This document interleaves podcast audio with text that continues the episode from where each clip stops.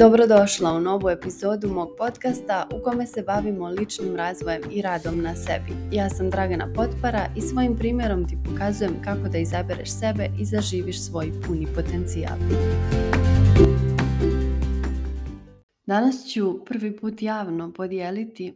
sa tobom moju priču života sa narcisom i kako sam ja izgradila svoj novi život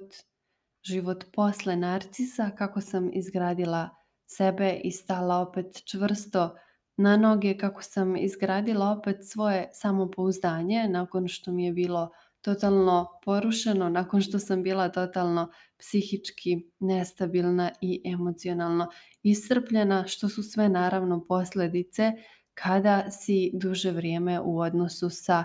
nekom manipulativnom osobom, a ja danas pričam specifično o narcisima i to ne u bilo kojim narcisima, već o prikrivenim ili malignim narcisima. U engleskom se to kaže covert narcissist, jer svi smo mi čuli za one grandiozne narcise i vrlo nam je lako da ih prepoznamo. To su one osobe ja, ja, ja, ja sam najbolji, ja sam najpametniji i ja treba da dominiram sve, svi treba mene da slušate, njih je vrlo lako prepoznati i etiketirati i svrstati u tu kategoriju grandioznih narcisa i samim tim onda znamo kako da se postavimo prema njima, kako da budemo oprezni sa njima i na koji način da se ponašamo i da razgovaramo sa takvim osobama. Onaj tip narcisa koji su mnogo opasniji jesu baš ovi prikriveni ili maligni narcisi. Zašto? Zato što oni s polja izgledaju kao sve, samo ne kao narcisi. Oni su totalna suprotnost grandioznim narcisima jer su oni obično people pleaseri. Oni su ljudi koji na izgled s polja svima udovoljavaju sve žele da zadovolje, da svima bude dobro, pa onda njima na kraju i detaljnije ću ući malo u tu priču i zato su oni tako opasni jer ti kad vidiš takvu osobu ti to ne možeš da povežeš sa narcisizmom, ti misliš wow ma nema šanse, ova osoba uopšte nije taj tip kao ja, ja, ja, sve meni, ja sam najbolji, ona je sušta suprotnost tome i baš zbog toga su ovi maligni prikriveni narcisi mnogo opasniji jer mi možemo da živimo sa njima, a da to ne prepoznamo, možemo da budemo u konstantnoj svakodnevnoj interakciji sa njima, na primjer na poslu, a da ne znamo da je ta osoba maligni narcis, ono što znamo u takvim odnosima jeste da nas nešto tu crpi, da nešto ispija našu energiju, da smo svaki put sve više ispijeni, a ne znamo o čemu se radi. Nešto nam je mutno u vezi te osobe, ali ne možemo da identifikujemo šta je problem, u čemu je problem. Ne možemo, nije nam tako lako i nije nam tako očigledno da lociramo taj narcisoidni poremećaj ličnosti kod te osobe, jer kada pričamo o narcisizmu, obično smo svi većinom fokusirani na te grandiozne narcise, zato bih ja danas malo da osvjetlim tu priču o malignim narcisima u nadi da će ti služiti zato što znam da bi meni služilo da sam ja čula od nekoga priču tada kada sam prolazila kroz sve to i tada kada sam se pitala šta je sa mnom, da li je sa mnom sve u redu, a pričat ću ti i zašto je došlo do toga da ja toliko preispitujem svoju realnost i da sam toliko nesigurna u sebe. E sad, zašto ranije nisam pričala o ovome? Zašto ranije nisam podijelila svoju priču iako radim na našem jeziku već godinu dana, iako se bavim ličnim radom i e, ličnim razvojem i radom na sebi zato što nisam bila spremna za to. Nisam bila spremna da javno govorim o tome iako je od tada prošlo sada već dvije i po godine dana i uprkos tome što sam ja već deset godina u duhovnosti, u ličnom razvoju, u ličnom rastu, uprko svim edukacijama i treninzima za kouča koje sam završila i uprkos tome što se i dalje konstantno usavršavam, konstantno radim na sebi, meni je trebalo dvije i po godine da prođe, da ja mogu da se osnažim, da javno progovorim o tome, zato što to nije mala stvar. Kada si žrtva emocionalne manipulacije i kada si žrtva psihičkog zlostavljanja za koje nisi ni svjesna, jer kada te neko fizički zlostavlja, svi to znaju, ti sama znaš, imaš modrice, neko te udara i ti, te posljedice su vidne s polja, vidne su čak i tvoje okolini. Ali kada te neko psihički zlostavlja i emocionalno iscrpljuje iz dana u dan postepeno, to se s polja ne vidi, to samo ti osjećaš i to drugi ljudi ne mogu da primijete. Ono što je najgore da ni ti ne primijetiš zato što te narcisi i manipulatori obično kuvaju kao žabu, ono, znaš, u hladnoj vodi i to kuvanje traje duže vremena da ti ni ne primijetiš da si skuvana. I zbog toga ja nisam imala snage da ranije progovorim o tome. I išla sam ja na coaching, išla sam na psihoterapiju, ali sam morala na kraju da prođem kroz sve sama. Morala sam da sama da nađem tehnike i metode i morala sam da vidim koje sve korake treba da prođem da bih se ja emocionalno iscijelila i da bih se opet vratila na noge jer tada kada sam ja konačno presjekla što je najteži dio cijelog procesa i kada sam donijela odluku da to sve prekinem, nisam imala neki program koji će da me vodi, kao što je danas program Biram sebe, koji počinje 1. aprila u kome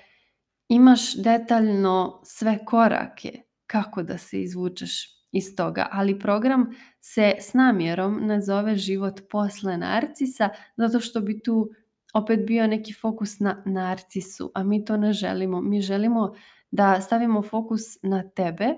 na tebe, na onu novu tebe, novu verziju tebe koju si izabrala da postaneš. I zato se program i naziva Biram sebe jer naravno mi tu osvijestimo koji su uzroci i koje su posljedice nastale zbog tih uzroka jer bitno nam je da razumijemo sve te situacije i sve te manipulacije da bismo lakše to prihvatili a zatim otpustili jer nam je cilj da ti otpustiš sve to kako bi mogla da oslobodiš taj prostor i taj teren za ovu novu sebe, snažnu, stabilnu sebe koju ćeš da izgradiš. Meni je trebalo dvije i po godine dana da se podignem na noge zato što sam morala sama. Zato što nisam imala nikog da mi kaže ok, ja sam to prošla, to je tako, oni su takvi, oni rade to, to i to i treba da radiš taj, taj i taj korak da bi se izvukla iz toga, da bi se emotivno iscijelila. Ne, išla sam na neke pojedinačne coachinge ili seanse sa terapeutom, ali opet ok, osjećaš se par dana bolje i nakon toga sve. Sve ide na staro i baš zbog toga sam odlučila da kreiram ovaj program Biram sebe u kojem želim da ti skratim taj put emocionalnog isciljenja i te gradnje nove, snažne, samopouzdane sebe nakon psihičkog rasula i nakon tog odnosa sa narcisom. Baš zbog toga želim da imaš neku zajednicu koja je meni bila potrebna i zbog koje zbog toga što ja nisam imala tu zajednicu i nisam imala nekog mentora koji će da mi pruži sve te alate, zbog toga je taj moj put trajao duže, taj put iscijeljenja. Ali možda je to s nekim razlogom, jer da ja nisam prošla taj put, danas vjerovatno i sigurno ne bi ni bilo programa. Biram sebe koji može tebi da skrati put, da taj put ne mora da traje dvije i po godine, tri, pet ili deset, već da možeš za šest mjeseci da emotivno iscijeliš i da izgradiš novu verziju sebe, da izgradiš opet svoje zdravo samopouzdanje i da vratiš vjeru u sebe. Ako želiš da se pridružiš zajednici i programu Biram sebe, stavit ću link za prijavu u opisu ove epizode. Kao što sam rekla, program počinje 1. aprila i traje 6 mjeseci gdje intenzivno radimo na tvom emotivnom iscjeljenju i na vraćanju tebi one stare tebe, snažne, samopouzdane, ali ne samo na vraćanju tebi one stare tebe, već i na gradnji potpuno nove, mnogo jače, mnogo svjesnije, mnogo zrelije, i mnogo mudrije tebe. E sad da se ja vratim na ovu priču, na moju priču sa malignim narcisom, kako je to sve počelo. Moje kuvanje je trajalo neke četiri godine i uvijek ću pominjati ovu analogiju sa žabom, zato što znaš, ako ti žabu ubaciš u ključalu vodu, u šerp, ona će da iskoči. Ali ako je ubaciš u hladnu vodu i onda staviš tu šerpu na špore da se polako postepeno zagrijava, žaba neće to da primijeti i ona će da se skuva. E tako te i narcisi kuvaju malo po malo. Neće oni naravno na početku da pokažu svoje pravo lice, već imaju neku masku. To jest oni imaju ne samo jednu masku, već milion maski koje nose i to je toliko nekih slojeva na, koji su nalijepljeni na njima iz nekih njihovih nesigurnosti, ali sad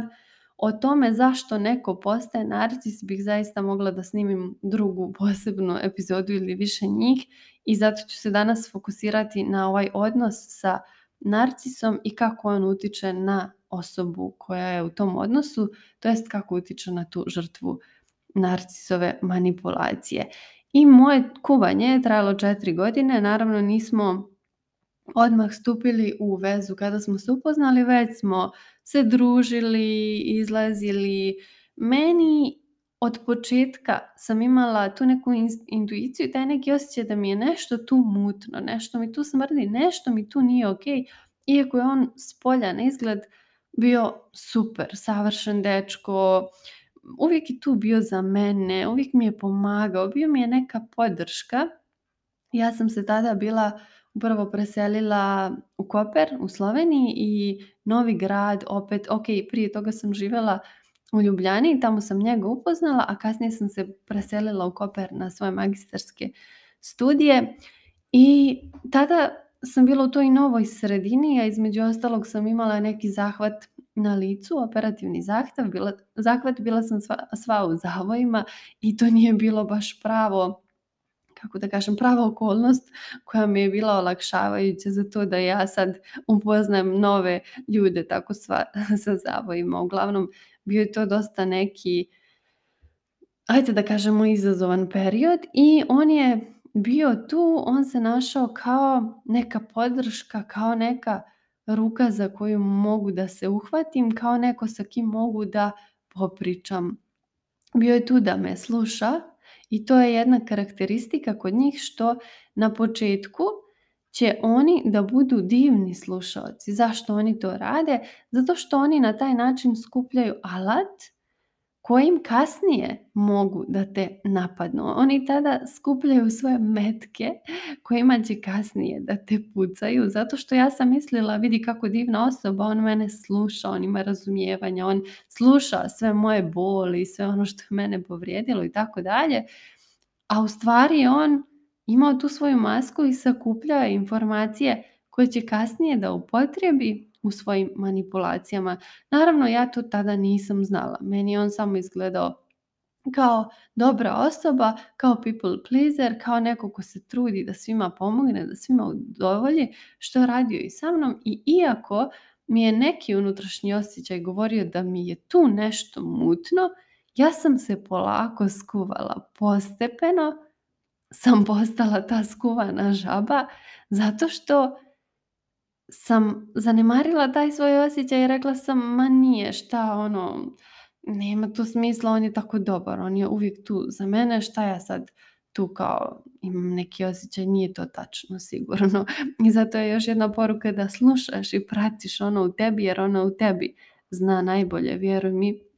bolje nego tvoj racio, razum i um. I da, tako je to sve polako vrijeme je prolazilo, ja sam se polako postepeno kuvala i on je tako meni pomagao, on je bio moja podrška, ja sam prolazila kroz taj neki izazovniji period. U svakom slučaju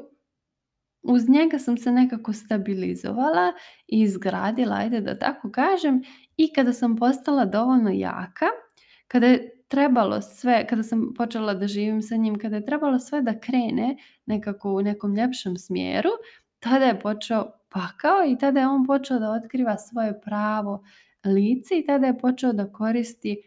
svo ono oružje i alate i one metke koje je sakupio do tada. I sad ti misliš kako ja to nisam mogla da primijetim,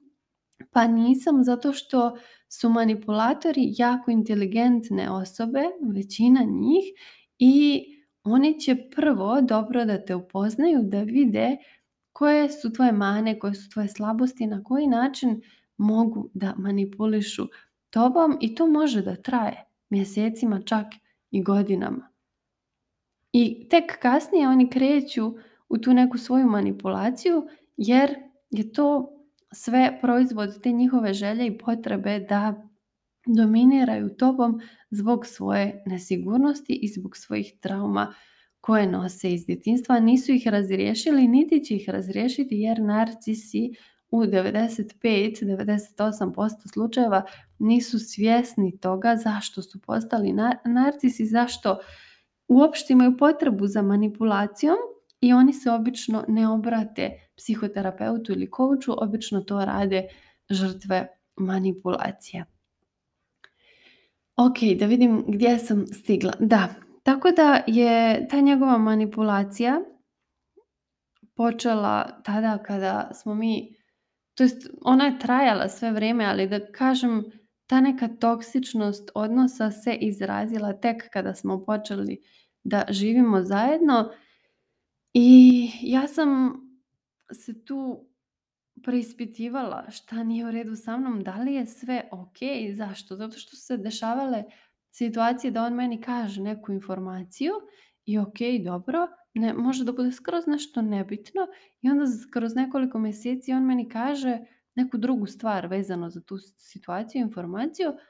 nešto slaži. Ja mu kažem kako, pa zar mi nisi rekao prije? I onda on nešto izmisli i izokrene. E sad tu govorimo o čemu? Tu govorimo o jednom od tri glavna alata koji narcisi koriste za njihovu manipulaciju. Taj alat o kome govorim se zove na engleskom gaslighting. To je neki psihološki termin koji je ustaljen i uvažen za opis te vrste manipulacije narcisa, odnosno šta to znači? To znači plinsko svjetlo ili ona plinska lampa i o čemu se tu govori, koji je to alat. E, to je njihov alat iskrivljivanja tvoje realnosti, šta oni rade. Oni svojim manipulacijama, svojim lažima pokušavaju da iskrive tvoju realnost, ne samo tvoju realnost, već tvoje mišljenje o sebi, tvoje mišljenje generalno o životu, o svijetu, o ljudima, o svemu. Oni te navedu da ti počneš da se preispituješ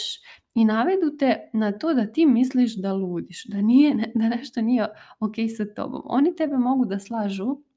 u vezi jedne situacije ili informacije milijun puta nakon nekog vremena. Na primjer, kažu ti sad jedno, pa onda za par mjeseci drugo, pa za par mjeseci treće i svaki put te ubijede i uvjere da je to ovo posljednje što su rekli istina i ti ćeš onda sebe da preispituješ pa čekaj, sam li ja luda, zar mi nije rekao ovo ranije? E sad tu postoje naravno razni alati koji se koriste kako bi ti hvatala te njegove situacije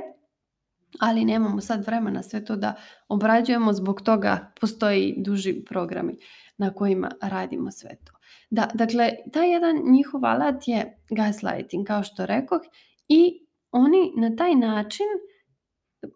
rade to i postižu to da ti postaješ sve više nesigurna, da ti sve više sumnjaš u sebe, da sve više, sve manje imaš sposobnost da procjeniš da li je nešto istina ili nije. I to tebi sad izgleda ovako kao ma ono ne može to meni da se desi. Ali ako on tebe polako kuva iz dana u dan, iz mjeseca u mjesec, iz godine u godinu, vjeruj mi da može da se desi i najinteligentnijoj ženi i onoj ženi koja misli da nema šanse da može da upadne u zamku narcisa i manipulatora, oni su vrlo, vrlo dobri u tome. Zašto? Jer su oni taj svoj sistem izgradili još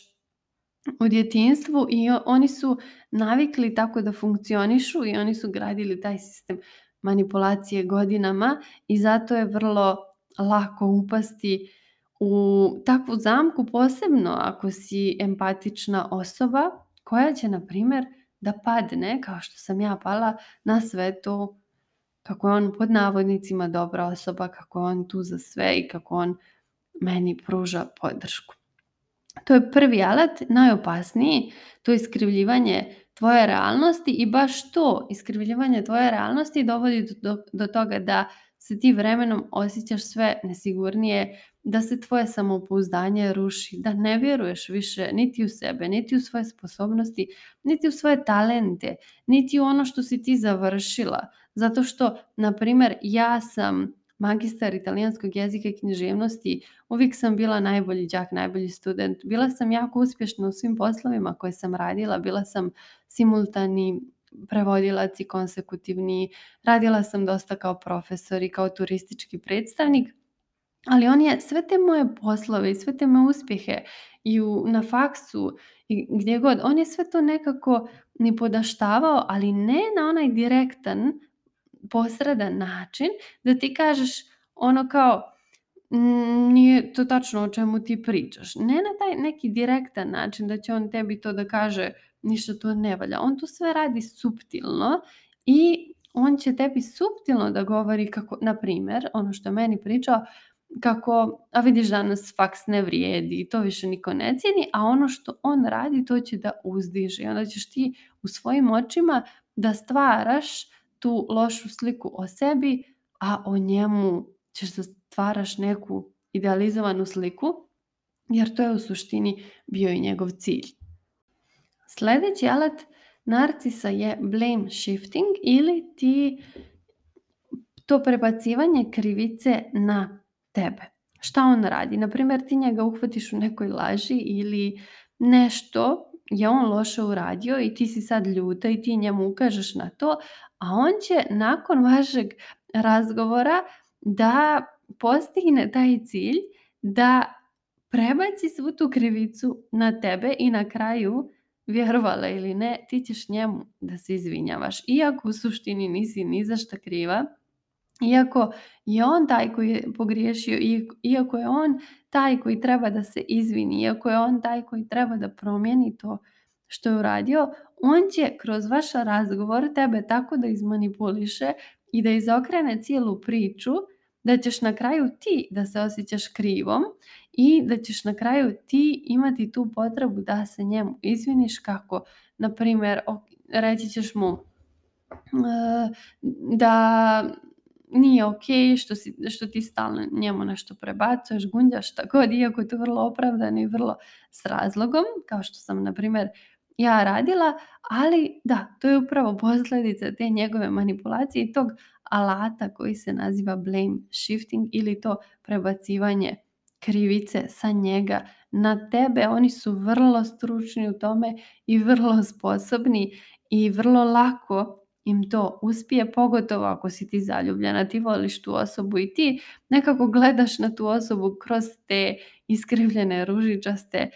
naočare i imaš tu idealizovanu sliku o njemu i to je onda vrlo lako za njega da on to postigne jer da je on to radio na početku naravno da mu ne bi uspjelo dok si ti bila jaka, samopouzdana, snažna i vjerovala u sebe, ali sada već nakon par mjeseci ili godina manipulacija konstantnih to je u suštini za njega vrlo plodno tlo za sve te manipulacije, vrlo mu je lako da te njegove manipulacije urode plodom, a taj plod je da se ti osjećaš nesigurno, a da se on osjeća dominantno i superiorno jer time hrani svoju bol svoju unutrašnju nesigurnost, traume i tako dalje. Treći alat se naziva triangulation ili triangulacija i šta, šta oni tu rade? Oni tu uvode treću osobu u vašu priču. E sad, ta osoba može da bude aktivno prisutna, ali ne mora. Može on samo da govori o toj osobi, tebi, na način da tebe navede na to da se osjećaš loše. Evo ti moj primjer, ja sam igrom slučaja jedan dio mm, godine, tada dok sam živjela sa njim, radila u njegovoj firmi, a što je on radio, na koji način je vršio tu triangulaciju sa mnom, tako što je u tu priču uvijek upletao, na primjer, neku koleginicu i rekao kako evo vidiš kako je ona to brzo naučila, možeš i ti, evo vidiš kako ona ostaje duže, duže na poslu, kako ona dođe uvijek ranije, kako se ona nikad ne žali, ona uvijek ostane duže sad, dva. Uvijek je tako nalazio neke primjere da se ja osjećam loše ako ja završim tačno ono, u četiri kada treba inače da završim, kako bi on iskoristio naravno mene tu što više, da ja tu što duže e, sati radim i zato su, zato su najbolji menadžeri firmi, direktori uvijek narcisi, sociopate, psihopate, jer oni nemaju obzira za ljudska osjećanja, za ljudsko zdravlje, njima je bitno samo da je posao odrađen. tako da to je jedna alatka koju oni koriste da tebe uvijek upoređuju, ali sve tako lijepo i suptilno da ti to ne možeš da primijetiš. A kad ja ovo sad pričam i tebi izgleda skroz nekako nelogično da neko može to da trpi i da dalje ostaje u tom odnosu, ako nisi proživjela to ne možeš da razumiješ. Ali ako jesi, vrlo dobro znaš o čemu pričam, vrlo dobro znaš da kada uđeš u odnos sa narcisom nije tako lako izaći. Prije svega treba ti neko vrijeme da ti to prepoznaš, da identifikuješ sve te situacije, da vidiš da si ti u pravu, da, da nisi ti luda. To je mnogo teško i Jednom čak i kada doneseš tu odluku, zašto je teško sad donijeti tu odluku jer si nesigurna, jer si iscrpljena, jer si psihički labilna, jer te on čak odvoji od tvog društva, od tvoje porodice, u većini slučajeva on te izoluje kako bi mogao što više da dominira i što bolje da dominira tobom i vrlo je teško da presječeš, ali kada jednom presječeš, onda ćeš ti milijun puta njemu da se vratiš jer ćeš opet sebe da preispituješ sva tako nesigurna što sam ja radila naravno. I sad da ne bi ovaj podcast trajao satima, za kraj što želim da ti kažem o narcisima, o prikrivenim narcisima imaš milion YouTube videa na tu temu, samo ukucaj covert narcissist ili maligni narcis na našem ako želiš dublje da istražiš, ali moj ti je savjet, ukoliko si tek izašla iz tog odnosa ili ukoliko si u tom odnosu trenutno a boriš se sama sa sobom, boriš se sa njim, ne znaš kako da izađeš, nemoj da gledaš te videe jer ćeš sebe da sludiš i previše i to će totalno da te dotuče kao što je mene dotuklo, previše sam konzumirala sve to kad sam jednom otkrila o čemu se radi i onda sam, to je dovelo do toga da ja doživim panični napad i da sam anksiozna i tako dalje. Tako da, moj ti je savjet, nemoj to da radiš, već pronađi žene koje su prošle kroz to, koje prolaze kroz to, pronađi mentora koji će da ti pomogne da se izvučeš iz toga, ne moraš da radiš sve to sama i ne mora to da traje godinama kao što je trajalo kod mene. Zbog toga imaš mogućnost da kada jednom presjeđeš i izabereš sebe, imaš mogućnost da se uključiš u zajednicu koja će sa tobom da putuje na tom putu emotivnog isciljenja i ta zajednica se nalazi u programu Biram sebe ili u kom god drugom programu koji izabereš, kogod mentora, coacha da izabereš, molim te nemoj to da radiš sama jer ćeš se vraćati milion puta tom narcisu i praviti greške koje sam ja pravila i to će sve da traje predugo. Mnogo je lakše kad imaš strukturu, imaš korake, imaš alate kako da izađeš i svega toga imaš alate kako da emotivno iscijeliš, kako da se psihički podigneš i osnažiš. Imaš mentora koji je tu da ti pomogne da prođeš kroz taj proces što bezbolnije i sa što manje psihičkih posljedica po tebe. Hvala ti što si izdvojila vrijeme da poslušaš ovu epizodu mog podcasta. Ako su ti teme koje obrađujem zanimljive i želiš da radiš sa mnom, najbolji način da budeš u toku sa svim novostima je newsletter na koji se možeš prijaviti na mom Instagram profilu.